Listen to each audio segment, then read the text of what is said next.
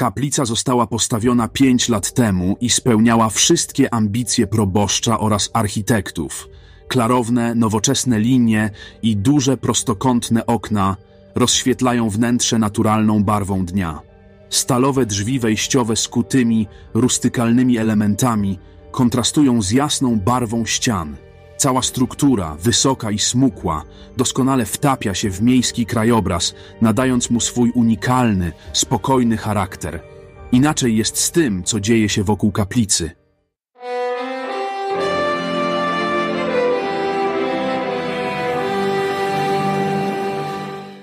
Przed kościołem rozstawiono kolorowe pawilony handlowe, każdy z nich ozdobiony plakatami i wywieszkami. W jesiennym podmuchu wiatru drgają t-shirty z nadrukami. Moja partia jest najlepsza. Ręce precz od Palestyny. Jest też tęczowy hologram wyświetlający napis Dwa gołębie w cenie jednego. Gwar rozmów i śmiech parafian wypełniają atmosferę, tworząc tętniący życiem targ, gdzie mieszkańcy miasta z zainteresowaniem przyglądają się straganom, a w dłoniach trzymają mniej lub bardziej zasobne portfele.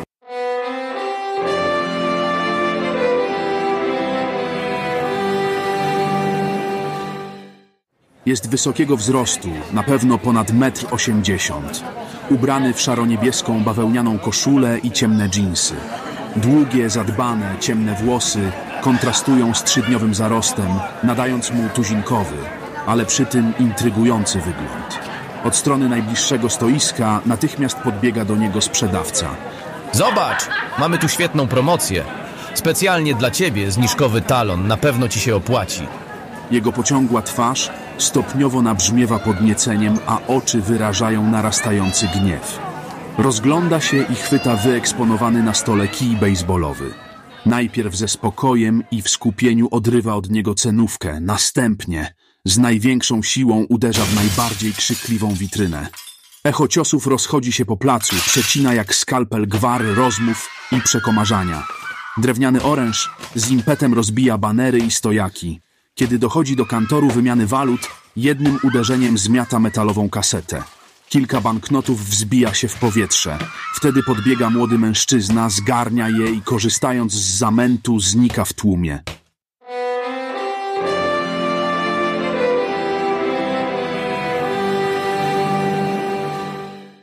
Każde wymierzone uderzenie jest jak grom, który poraża parafian. W tłumie narasta szok i niedowierzanie. Kiedy zgiełk na moment przycicha, odkłada kij. To przecież jest nasz wspólny dom. Nie róbcie z niego targowiska. Jego słowa padają jak akordy cyklonu, wzmacniane rykoszetem betonowych ścian świątyni, a gwar zupełnie cichnie. Jest napisane, że mój dom będzie domem modlitwy. Wy zaś czynicie z niego miejsce finansowego rozboju.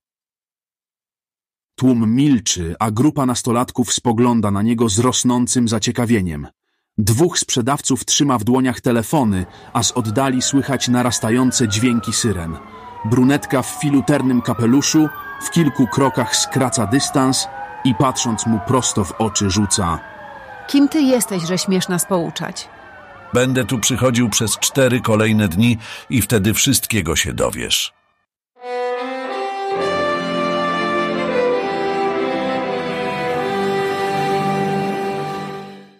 Po sześciu godzinach pobytu na komisariacie powrócił.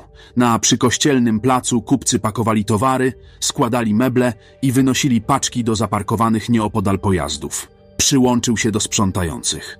W milczeniu zbierał okruchy drewna i szkła. Nikt nie protestował.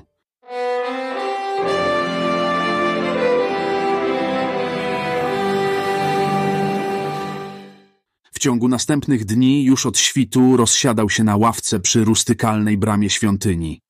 Plac, który opustoszał z jarmarcznych konstrukcji, już w drugim dniu wypełnił się kilkoma setkami słuchaczy i gapiów. On rozprawiał o starych tekstach sprzed kilku tysięcy lat oraz o wierze, nadziei i miłości. Jak dobry syn, często wspominał o swoim ojcu.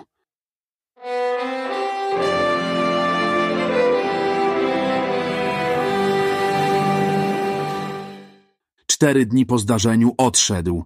Na pożegnanie słuchacze wcisnęli mu małą plastikową kartę nadrukowaną rzędem 16 cyfr. Powiedzieli, że to na koszty procesu, grzywny i odszkodowań.